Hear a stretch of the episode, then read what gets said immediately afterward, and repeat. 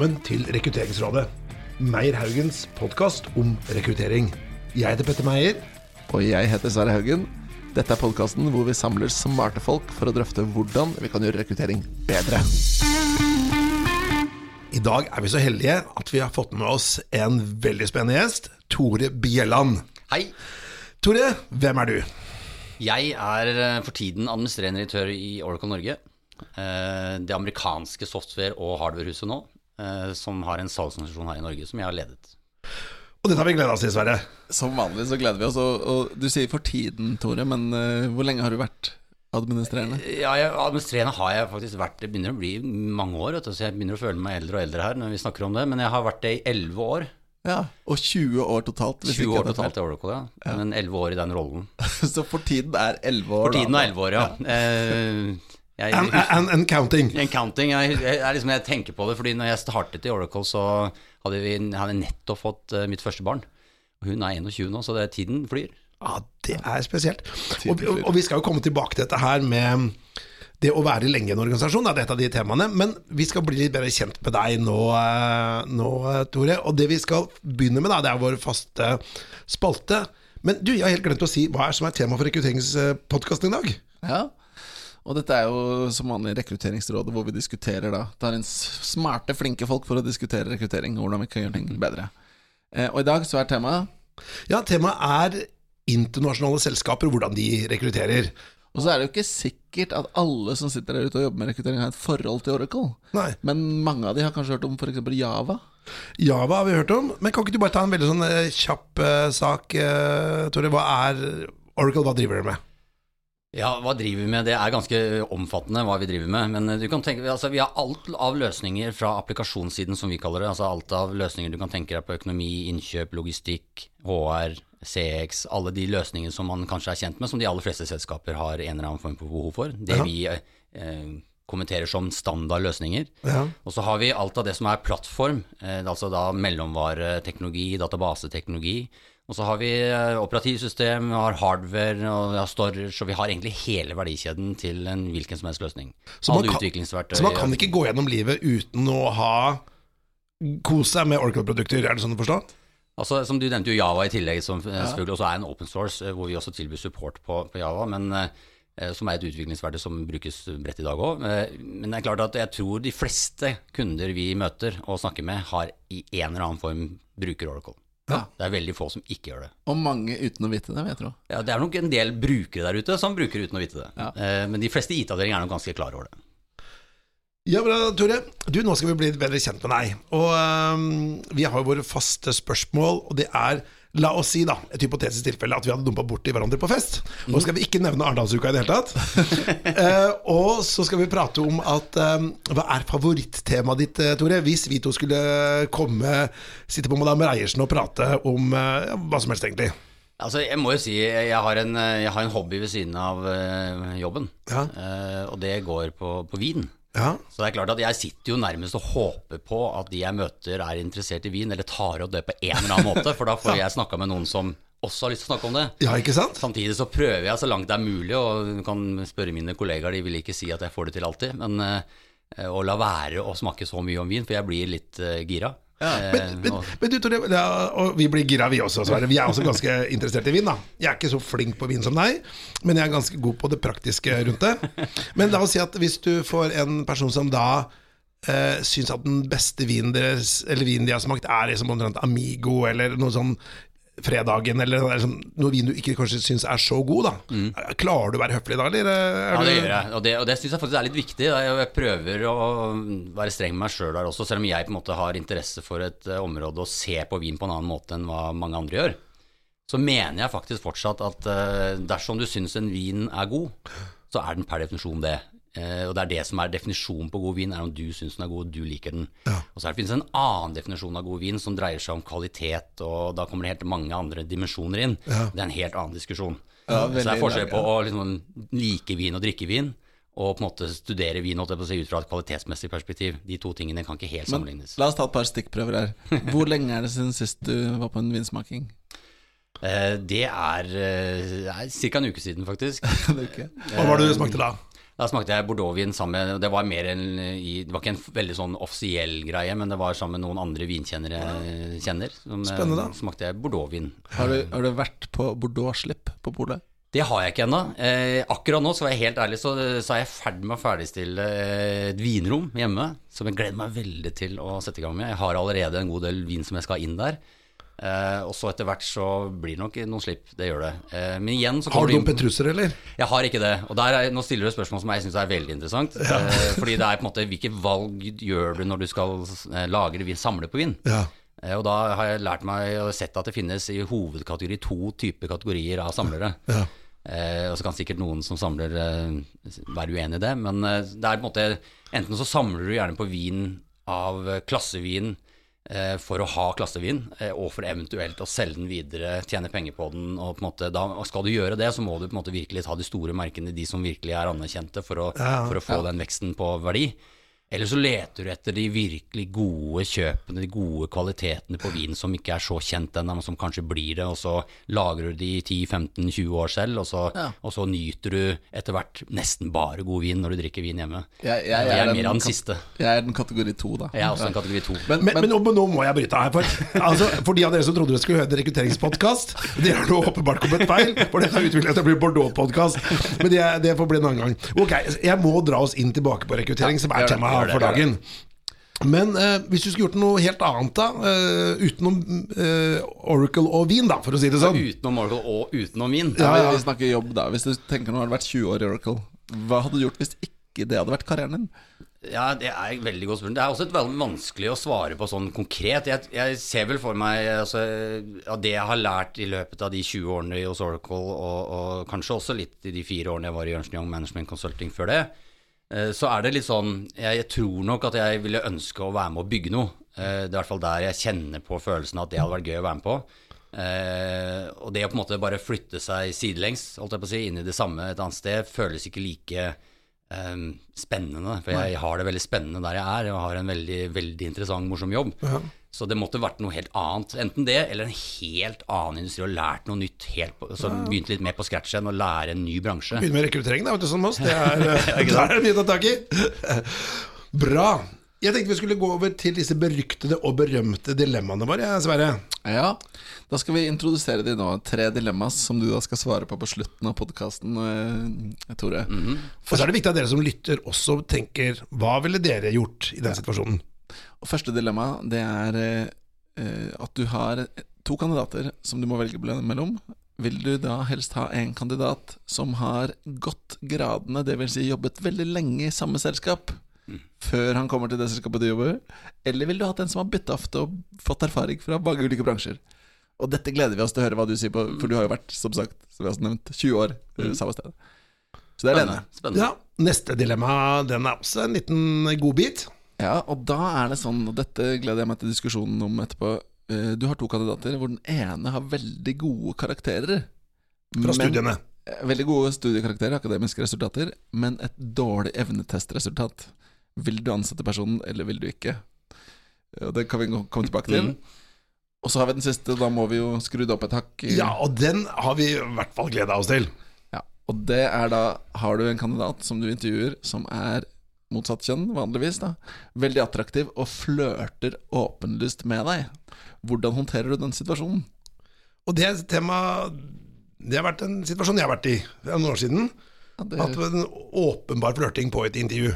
Og hva gjør man da som rekrutterer i en sånn situasjon? så da sitter du på fasiten til etterpå, er det det du sier? Nei, jeg vet ikke om jeg har stått på noen fasit, men jeg vet hva jeg gjorde. Og så er det spennende å høre hva Tore Ja. Hva han eh, ville gjort i den situasjonen. Men nå skal vi da gå over til selve diskusjonen rundt rekruttering og internasjonale selskaper. Eh, Hvordan er det å rekruttere flinke folk til Oracle, Tore? Uh, skal jeg være helt ærlig, så syns jeg det, det ganske, går ganske greit. Vi får veldig mm, mye flinke folk inn hos oss. Og grunnen til det er i hovedsak at vi har veldig mye dyktige folk. Altså Vi er det jeg vil kalle en kompetanseorganisasjon. Vi, vi er opptatt av å ha veldig dyktige folk eh, som jobber hos oss.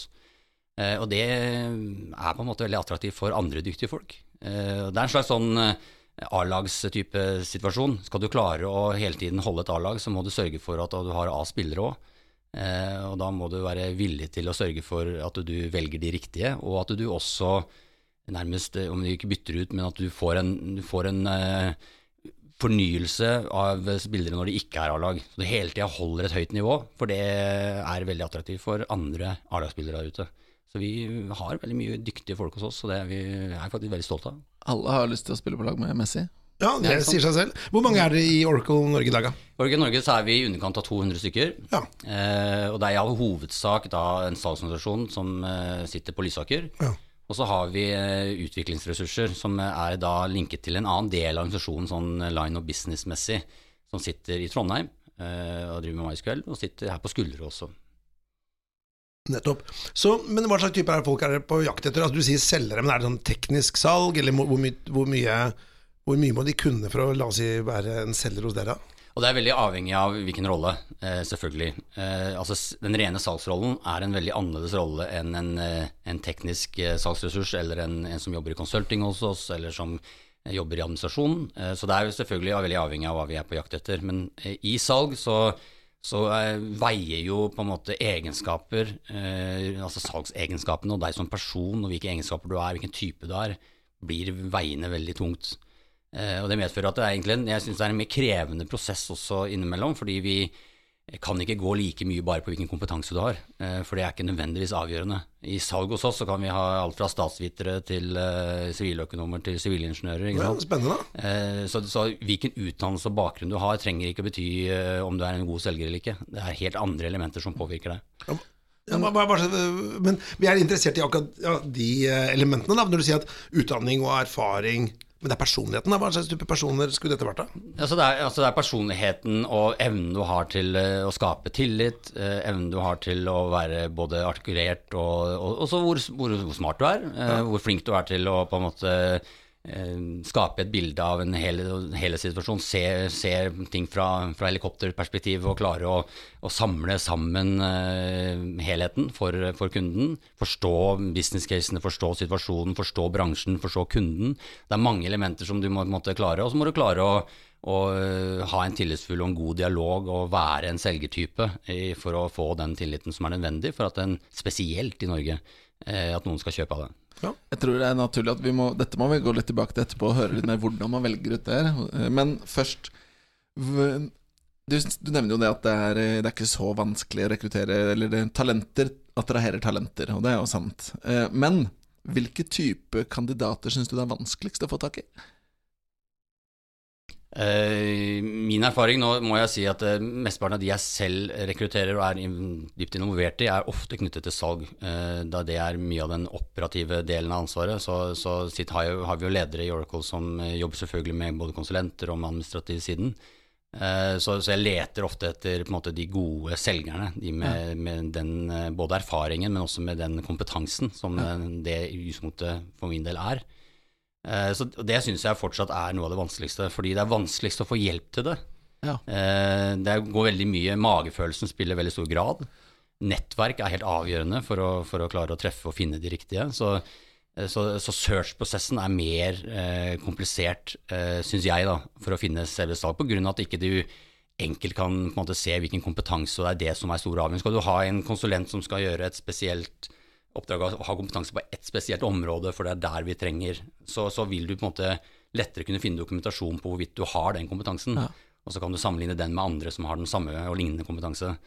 Når, du måte, når mye av eh, verdien din ligger i de myke verdiene og hvem du er som person, så blir det vanskelig å lese deg til det. Du må møte de, du må teste de ut. Du må? Så det er en annen prosess da, for å komme Ja. fram til det. Og så er det jo, ikke sant, salg er jo faktisk da, på, europeisk målestokk den kompetansen det er mest underskudd på. Så du er ikke alene om det du opplever. Absolutt ikke. Og det andre er at det finnes jo ikke noe tydelig salgsutdannelse. Som du sier, du kan ha statsvitere eller økonomer eller ingeniører eller hva som helst. Og det tredje da, som gjør det ekstra vanskelig, det er at hvis det er én ting selgere kan, så er det jo å selge seg selv. Så det å velge ut rette er jo også en utfordring. Ja, det er, og det er faktisk interessant, sånn, det du sier det siste er også at når vi gjør intervjuer, så er jo det intervjuet ganske likt en salgssituasjon når du er ute hos kunde òg. Ja. Eh, så du får på en måte testa ut det.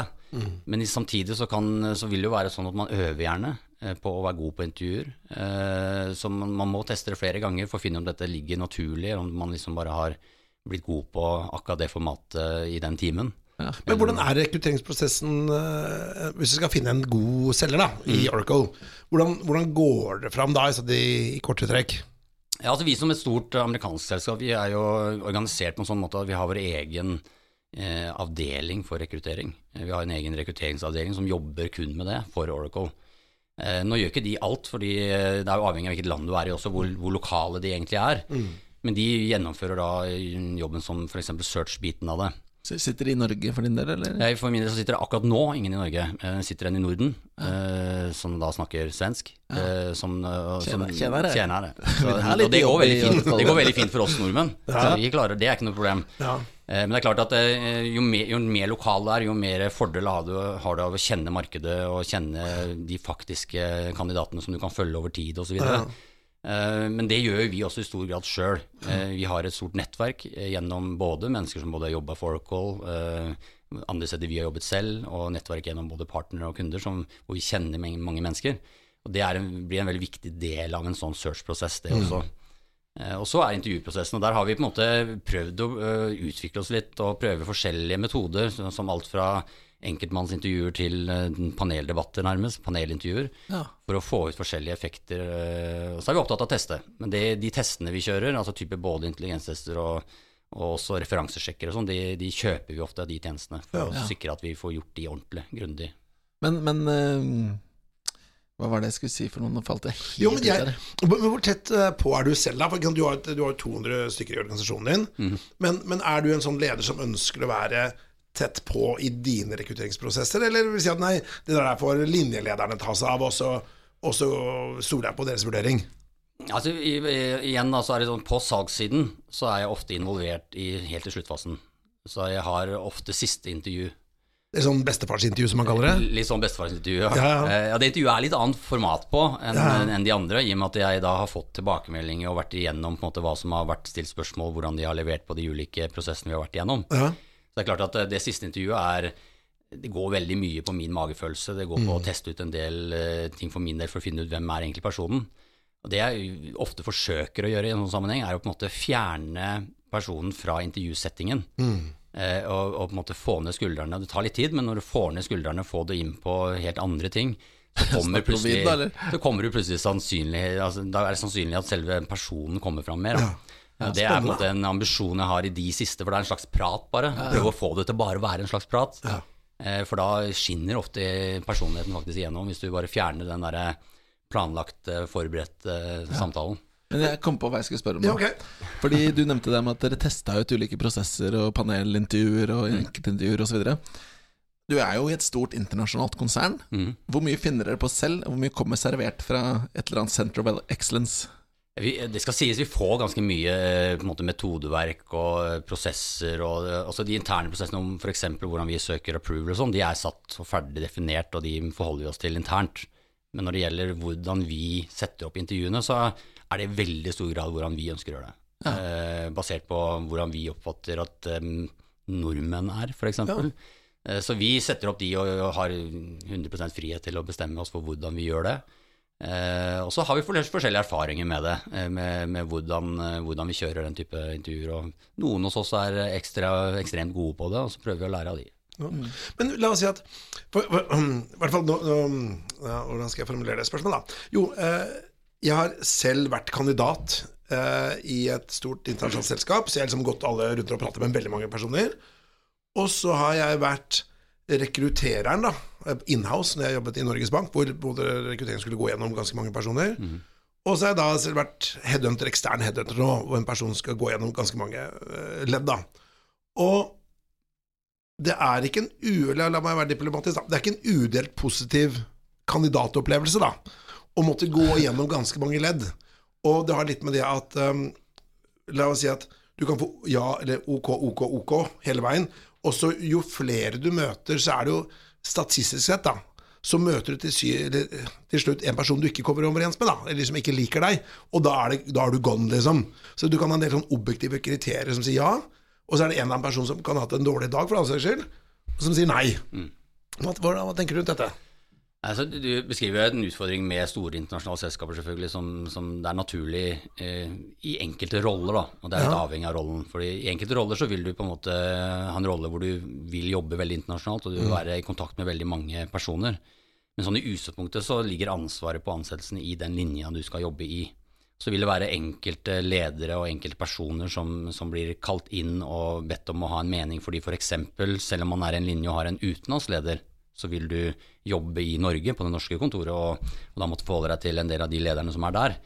Og da bruker man det for å få forskjellige syn og forskjellige, få litt bredere forståelse av hvem personen er, og, og ikke bare tenke Vi har jo en tendens, vi mennesker, til å tenke se etter de som er like, like oss selv, så det er veldig lurt å ha andres mening også. Ja. Og jeg velger ofte da personer som jeg vet er annerledes enn meg, og tenker annerledes enn meg. Men vi prøver å unngå at det blir for mange ledd. Eh, ikke, ikke bare fordi jeg, jeg er helt enig med deg, den kandidatopplevelsen blir nok dårligere av det.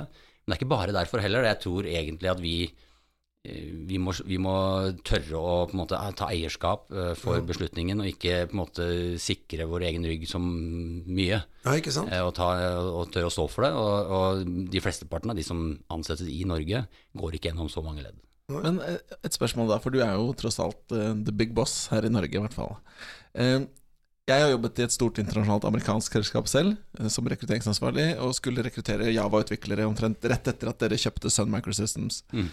Og da måtte vi ut og hente Java-utviklere på bachelor-masternivå med reklamer med Tiger Woods, golfspiller, ikke sant. Det var helt håpløst. Men det var liksom policy, da, fra dette internasjonale konsernet. Spørsmålet mitt er for din del, da, hva eh, Hvor forholder du deg til internasjonale policies og regler? Hvor og hvor flyr du lavt? Eller gjør du ikke det? Eh, litt avhengig av hva du mener med fly lavt. Går du over eller under radaren? Under den radaren. Eh, nei, altså, vi, vi, er, vi forholder oss selvfølgelig til våre internasjonale policies. Eh, men nå, nå er det sånn på en måte Hvor er det de ligger hen, og hvor er det du har frihet til Altså Vårt ansvar og mitt ansvar eh, i, i Oracle Norge, det er å bygge en salgsorganisasjon. Og det får vi i veldig stor grad lov til. Eh, men samtidig så er det selvfølgelig sånn at eh, vi har en del rammer og betingelser og, og begrensninger på hva vi har lov til å gjøre, både med hensyn til alt fra lønn til, eh, til hvilke posisjoner vi kan ansette. Vi kan ikke bare ansette fordi vi føler for at nå skal vi ha 20 til fordi vi bestemmer det. Det kan vi ikke gjøre uten videre. Uten at det henger sammen med både det budsjettet vi har og både Så vi har jo en kostnadsramme og en til Vi må forholde oss alle disse tingene. De policyene ryker vi ikke på. Og vi er, vi er sterke, veldig sterke på etiske ramme, på hvordan oppfører vi oss, og hvordan håndterer vi etikken også i vår verden. Så det er klart at der er det ikke mulig å fly lavt. Men jeg føler ikke at det flyr under radaren her, for det har jeg ikke noe behov for. Eh, vi gjør ikke det i Oracle. Vi flyr ikke under noen radar, men vi har eh, frihet eh, under det ansvaret eh, som vi har fått Ja. til å løse de oppgavene, sånn som rekruttering lokalt. Men hvis du eksempel Altså, um, uh, la oss si at du hadde fått en beskjed da fra USA, fra California, er det ikke der dere holder til? Redwood. Eh, og, da, og du syns den var helt håpløs. Fordi at de, de kan funke bra i USA og England, men det funker ikke i Norge. Mm. Hva hadde du sagt da? Altså det, altså det kommer jo litt an på igjen hva, det, hva den beskjeden er, men i utgangspunktet så får vi veldig mye sånne beskjeder om hva vi skal selge, og hvordan vi skal selge, og hvordan vi skal gjøre det, og hva vi skal kommunisere til kundene våre. Og, altså alt dette er jo til, tilgjengelig i en sånn organisasjon som vi er. Vår oppgave som ledere er jo også å være det filteret. Vi har et ansvar for å vurdere hvordan det fungerer i Norge. Nå er det ikke alltid sånn at den amerikanske retorikken fungerer like bra mot eh, norske mottakere. Nei. Eh, Vi er mye mer basert på at vi du må vise tillit, og du kan ikke på en måte Det å snakke negativt f.eks. om konkurrentene eh, i en salgssetting i Norge slås veldig hardt ned på i forhold til hva de gjør i USA. Ja. Og det ansvaret har vi. Vi har ansvaret for å være det filteret. Vi har ansvaret for å, for å tolke det som det er ønskelig å oppnå, og, og, og tilpasse måten vi tilnærmer oss det på. Ja. Så, så det er klart at vi, vi gjør mye justeringer på hvordan budskap og hvordan vi organiserer for å få det til, eh, innenfor de rammene vi har anledning til å justere. Bra. Hvordan, hvordan oppfatter du eh, å få aksept for norske lønnsnivåer internasjonalt? Det oppfatter jeg ikke er noe utfordring, egentlig. fordi det, der har vi etter hvert blitt så erfarne. Eh, Og de, er, de ulike lønnsnivåene er så forskjellige i de ulike landene at det, der eh, har vi lokal HR, og vi, har, liksom, vi, vi kjenner til Det er en historikken. Så er det utvilsom en aksept. Så Vi, vi må ligge innenfor det samme konkurransetrinnet, om vi skal kalle det det, Ja. eh, i Norge og i Sverige og i Danmark, som vi gjør i USA. Og Hvis ikke så har vi ikke anledning til å få det beste og få de, de menneskene vi vil ha. Men det hjelper vel, du som har vært da såpass lenge i Eller ikke bare såpass, du har vært, du har vært lenge i Oracle, da. Du har jo earned your stripes, da. Og det er klart at jeg vil tippe at når du kommer inn og sier at sånn skal det være, så har det en annen betydning enn kontra en som har vært veldig kort i en For du må yte, du må jo uh, nyte veldig tillit da, oppover i systemet her, når du uh, har liksom noen fått til det du har fått til. Ja, altså jeg, jeg tror um, Oracle er det jeg vil, det er en matriseorganisasjon. Uh -huh. eh, jeg vil omtale det som en nettverksorganisasjon. Eh, og for å få en nettverksorganisasjon til å funke, så, så er den, det er jo på en måte veldig annerledes enn en hierarkisk basert organisasjon, men den baserer seg i utgangspunktet på innflytelse, eh, og ikke tittel. Eh, tittel vil selvfølgelig påvirke, for ofte så får du tittelen fordi du har innflytelse. Så det, det har en sammenheng, men Ja. i utgangspunktet så er på en måte innflytelsen viktig. Og Det betyr at uh, du med innflytelse innenfor enkelte temaer, uavhengig av om du har en lederrolle, blir hørt fordi folk hører på deg. Eh, og klart, Over tid så vil du jo kunne bygge en tillit og bygge en innflytelse som gir at uh, når du gir et uttrykk for noe du mener er viktig i f.eks. Norge, så får du oftere gjennomslag for det mm. enn du fikk helt i starten. Det er helt naturlig. Du, jeg tenkte vi skulle gå over til et annet tema. Hva skal jeg si? Rekrutteringens fattige fetter. Employee branding. uh, det hadde du gøy for, Sverre. Ja, det var du. Employer branding. Hvordan jobber dere i eh, Oracle for å eh, markedsføre det som en arbeidsgiver? Da? Du sier det har ikke noe stort problem med å rekruttere folk, men, men det er det mange store bedrifter som sier, og så har de det egentlig allikevel. Altså, vi, vi ønsker jo å være den, det kompetansehuset. Vi ønsker å bli sett på at uh, i Oracle der er det ekstremt mye dyktige folk. Ja. Uh, og det opplever vi selv at det er også. Og da må vi være veldig flinke til å fortsette å hele tida sørge for at de som jobber der, er faktisk de dyktigste. ja.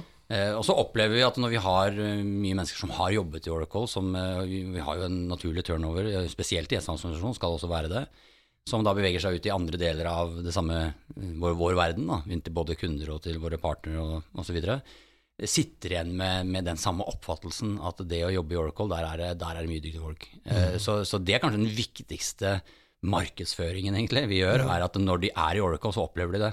Ja. Eh, og, og så tar de det med seg ut og tenker at eh, ja, det er, det er faktisk ålreit å ha på CV-en at du har jobba i salg. Så det er liksom de ambassadørene, da. De, dine ansatte er dine beste ambassadører, og det er de som skal drive employer brandingen, ikke noen store kampanjer Vi kjører ikke noen kampanjer. Så kan man diskutere hvorvidt de skulle gjort det, og om, man gjør det på et internasjonalt nivå, eller om man Ja. skal gjøre det lokalt i Norge osv. Den diskusjonen er, er en fornuftig diskusjon å ha det. Ja. Men som det er nå, så mener jeg at eh, de som jobber i Oracle, og de som har jobbet i Oracle, eh, bør være våre beste ambassadører. Ja, ja. Og det er opp til oss å klare å få dem til å være det. For de blir ikke det bare av at vi sier det, de blir det fordi de faktisk føler det. Det er jo det beste trikset det for å lykkes med rekruttering, det er å ha en bra arbeidsplass.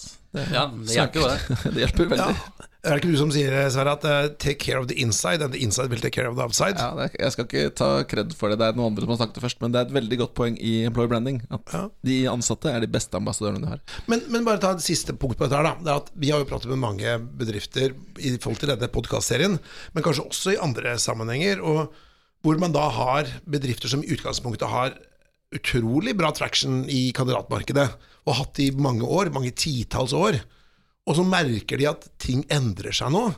Eh, vi hadde jo UD som aspirantkurset der, var jo De sa jo det at at de merket etter hvert at kanskje det var litt mindre søkning, selv om det er veldig populært fortsatt. Men, og jeg prater også med de kanskje mest anerkjente rekrutterings- eller eh, konsulentselskapene og sånn. Så McKinsey har jo, sånn, de har jo nye konkurrenter nå gjennom startups, som ikke de hadde før. Ja, altså Er det ikke Eller for å si sånn Det er bra at dere har god traction på kandidater nå, men er det Tror du at det vil kan endre seg de neste årene, da? At dere vil at det, er, det er potensielt at dere får mindre traction på de beste kandidatene? At de går til startups, f.eks.? Uh, ja, altså vi, vi, er jo en, vi er en verden som endrer seg veldig, veldig mye. Altså det er store endringer. Ikke bare for, eh, ikke bare for vår bransje, men eh, for alle kundene våre og alle de andre bransjene også. Uh, og det medfører at vi, vi, vi får et behov for å endre vår kompetanseprofil også internt. Og vi er i ferd med å holde på med det de siste par årene til og med, så har det skjedd veldig mye på det. Eh, hvis du ser på vår eh, turnover for tre år siden, så var den på rundt 7 Eh, og, og så har den ligget på det siste året sånn rundt 10-11, som er en naturlig del av at vi gjør endringer. Vi trenger å skifte måte, kompetanse.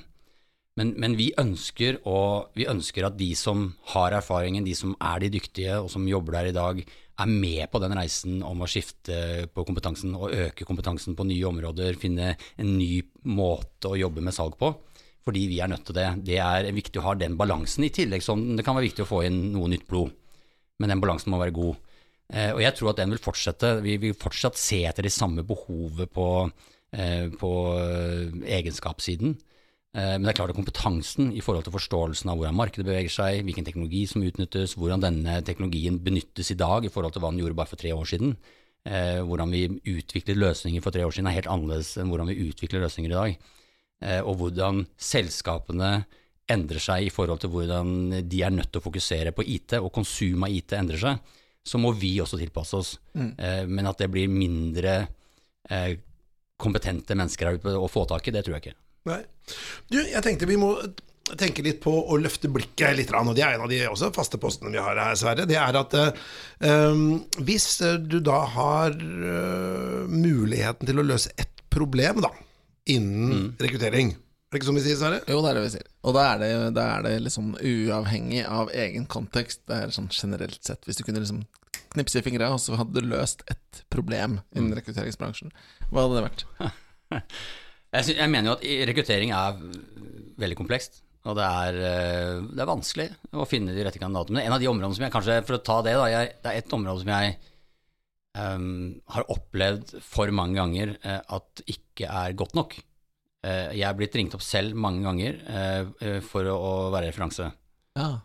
Og det er et av områdene jeg mener det det fortsatt syndes en del i forhold til hva, hvor viktig den prosessen er. Ja. Det er ganske naturlig, tror jeg. Altså, det er litt sånn eh, Når man har kommet i en prosess hvor man virkelig har funnet en kandidat som man har lyst på, så, så, så, vil man gjerne ha den kandidaten, men man vil gjerne avslutte prosessen. Man vil gjerne Man har til og med press fra sine ledere om at nå må du få ansett noe i den rollen osv. Du har ikke lyst til å finne noe feil? Nettopp. Så du har ikke lyst til å finne noe feil. Så jeg har fått så mange ganger oppringninger på referanser hvor de egentlig ikke vil ha et svar. Ja, hvor de bare vil ha en check-off ja. på at de har gjort det. Ja.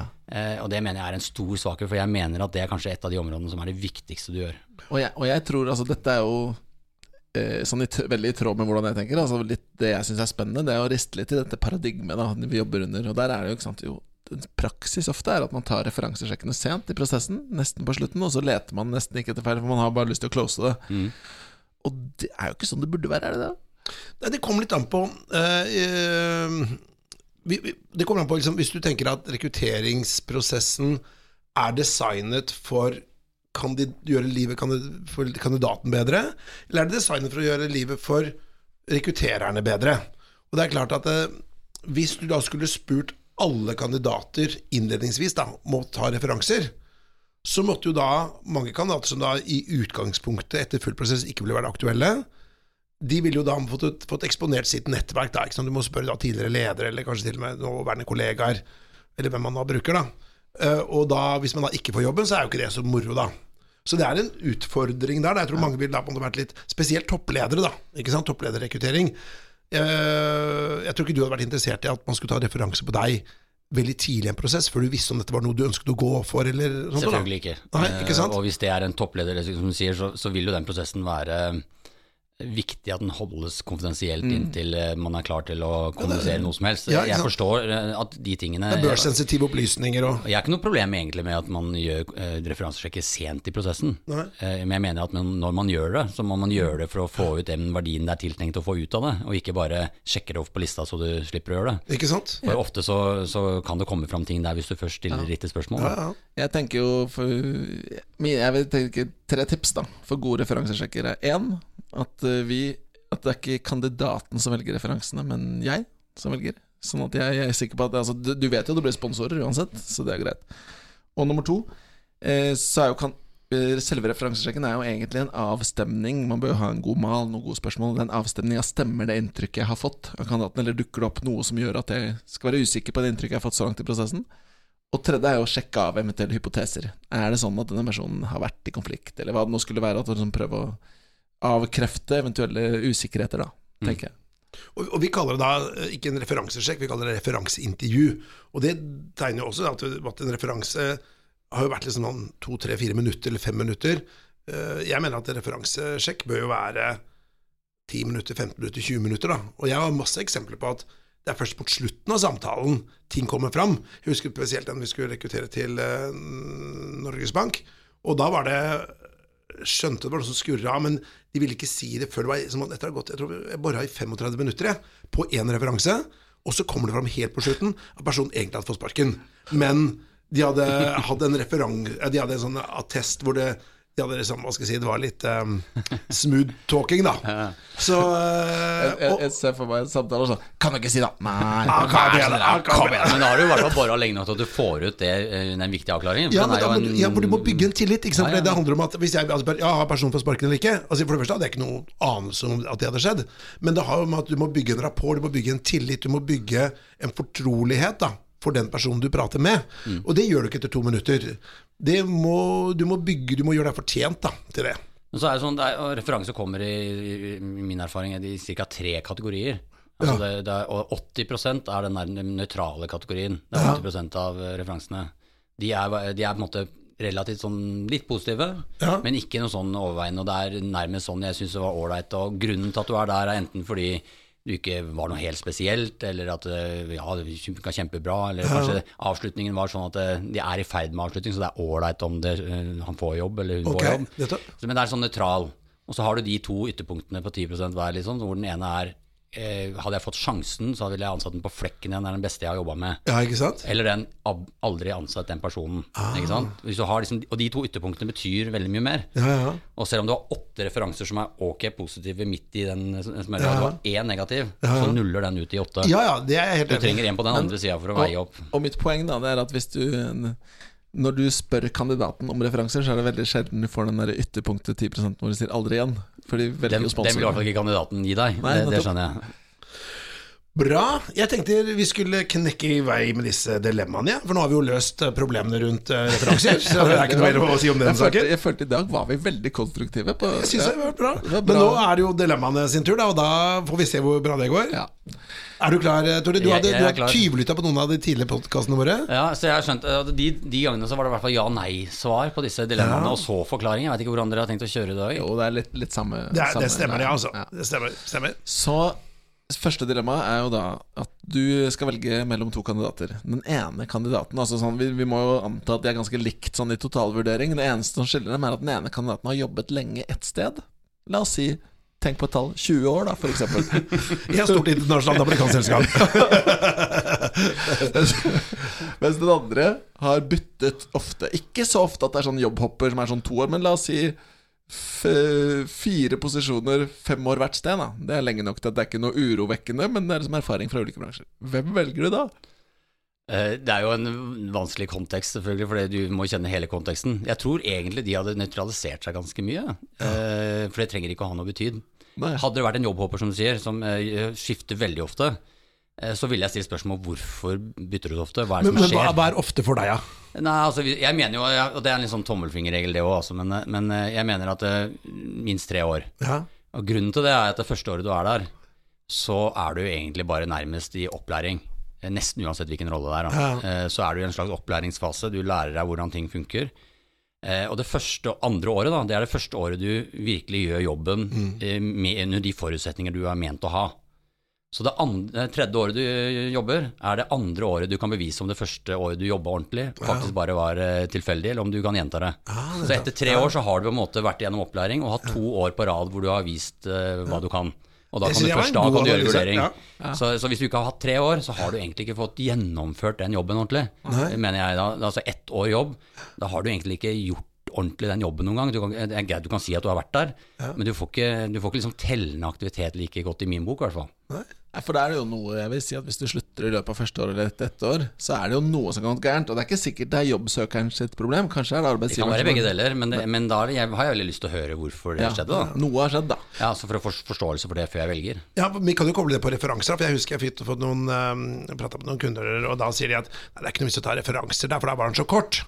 Og så tenker jeg jo, men det er jo der du må bore i referansene. Det er utvilsomt. Ikke sant? Ok, Men, men, så hva, vi har ikke fått svar, da. Nei, hva, hva velger du? Altså, Ut fra det perspektivet så, så ville jeg nok eh, valgt den som hadde lang erfaring, hvis det er jobbhopper. Men hvis det ikke er det, hvis de har hatt i hvert fall tre til fire år, Ja. så er nok det i mange sammenhenger en fordel. Så jeg vil si at jeg valgte den siste, Ja. Hvis jeg må velge. Ja, det syns jeg var, var raust av deg.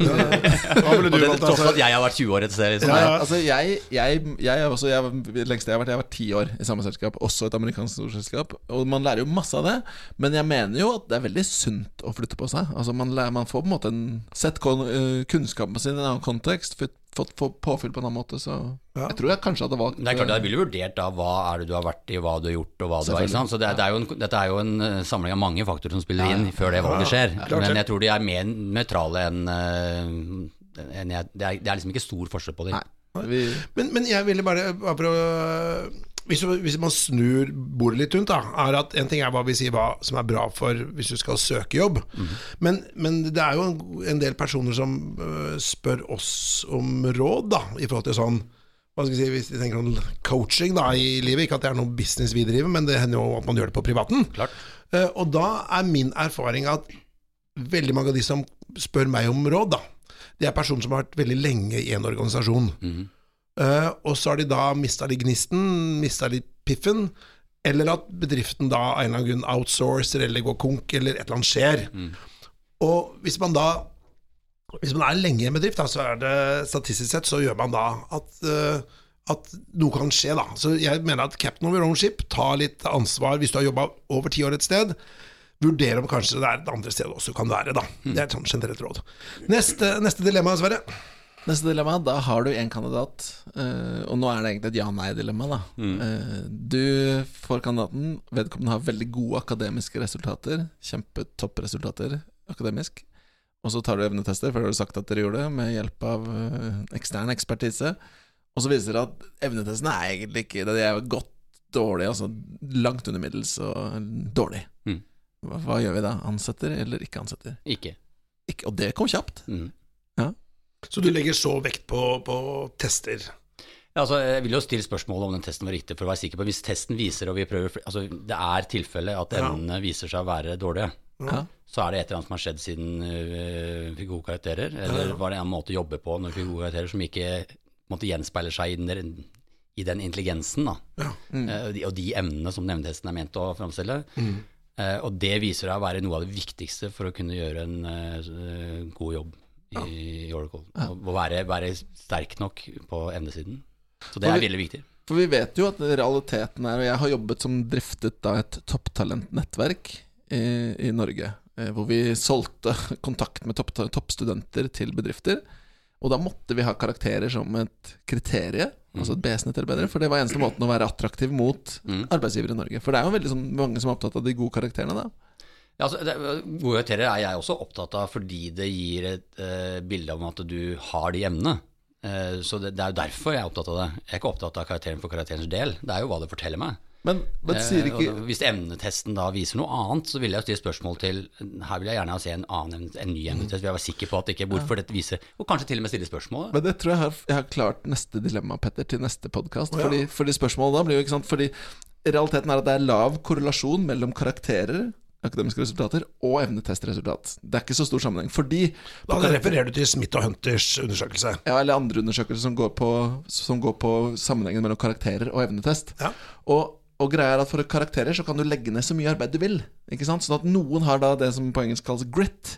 For da blir jo det interessante dilemmaet Vil du helst ha en lat og smart person, eller en veldig hardtarbeidende dum person?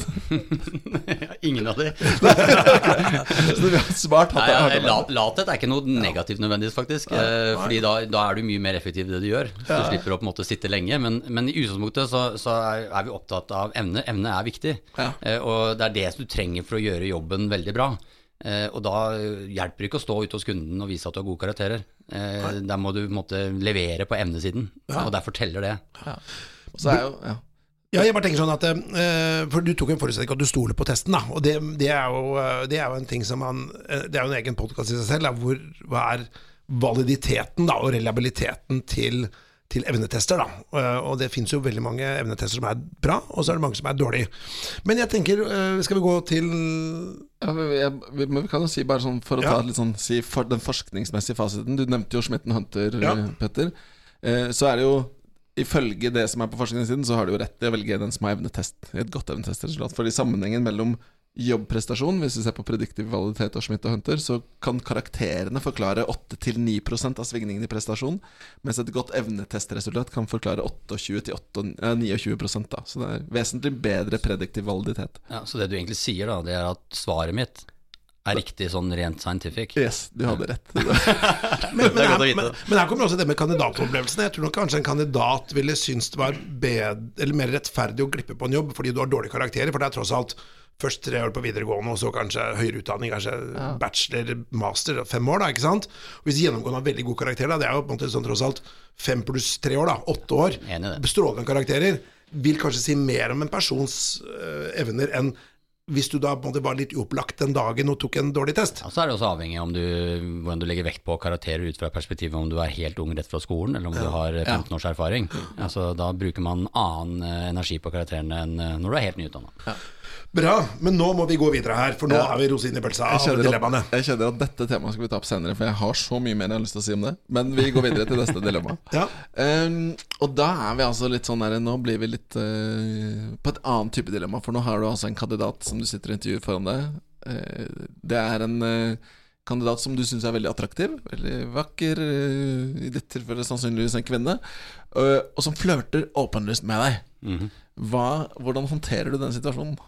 Ja, og det, det kan jeg ikke svare på ut fra et perspektiv om erfaring, for det har jeg faktisk ikke opplevd. Du sier jo det, Peder, at Ja, jeg har opplevd, opplevd det, ikke mange ganger, Nei, men det er interessant, dessverre, da. kan du si. Men det, Men jeg kan- jo svare på det ut fra et perspektiv om hvordan jeg tror jeg ville reagert. Da. Det første jeg hadde tenkt, ville vært at jeg, jeg hadde sett på det som veldig useriøst. Ja, Så, okay, ja.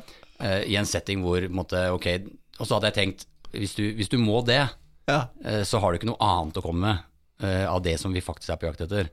Så jeg hadde nok endt opp veldig fort i den boksen. Eh, hvordan intervjuet hadde fortsatt da etter det, hvis jeg hadde opplevd det hadde Eh, hvis det hadde blitt for åpent, så tror jeg faktisk jeg hadde sagt fra. Jeg skal være helt ærlig. Så jeg bare konfrontert med det. Eh, fordi jeg synes, Hvis det blir for ille, da, så blir det bare for dumt. Men hva hadde du sagt da? Hadde du sagt at du, nå syns jeg du flørter veldig med meg, det setter jeg ikke pris på. Hadde du vært så direkte, eller?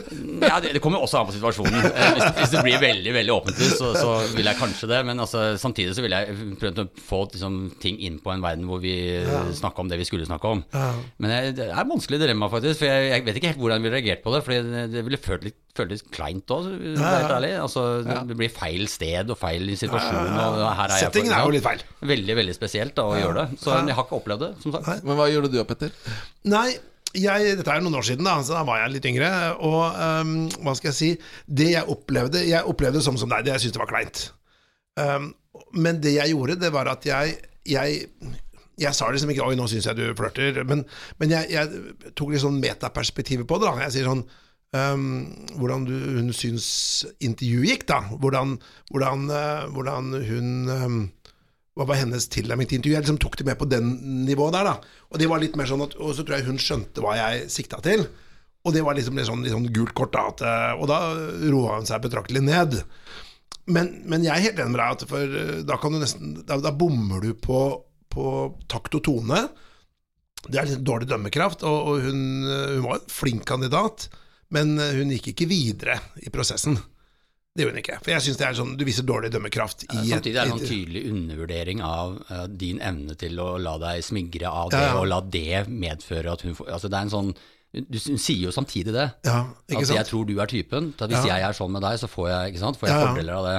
Eh, Og, når du tenker bevisst på det, så kan du ikke la det skje. Det Ikke sant? Det, motsatte, det motsatte skjer jo, egentlig. Ja. Men jeg tror kanskje jeg hadde gjort sånn som kona mi pleier å gjøre. Når noen flørter med henne Der en, Etterpå så sier hun 'Hva? Flørta han med meg?' Nei, det la jeg ikke merke til. så det tror jeg er min vei ut. Ja. Så du hadde latt deg gå? Ja, nei, men øh, jeg tror vi kanskje setter strek der. Jeg syns det. Jeg syns det var så spennende å prate med deg, Tore. Likeså. Veldig hyggelig å være her. Og jeg sier vi bare takk for i dag. Ja. Det gjør vi. Tusen takk.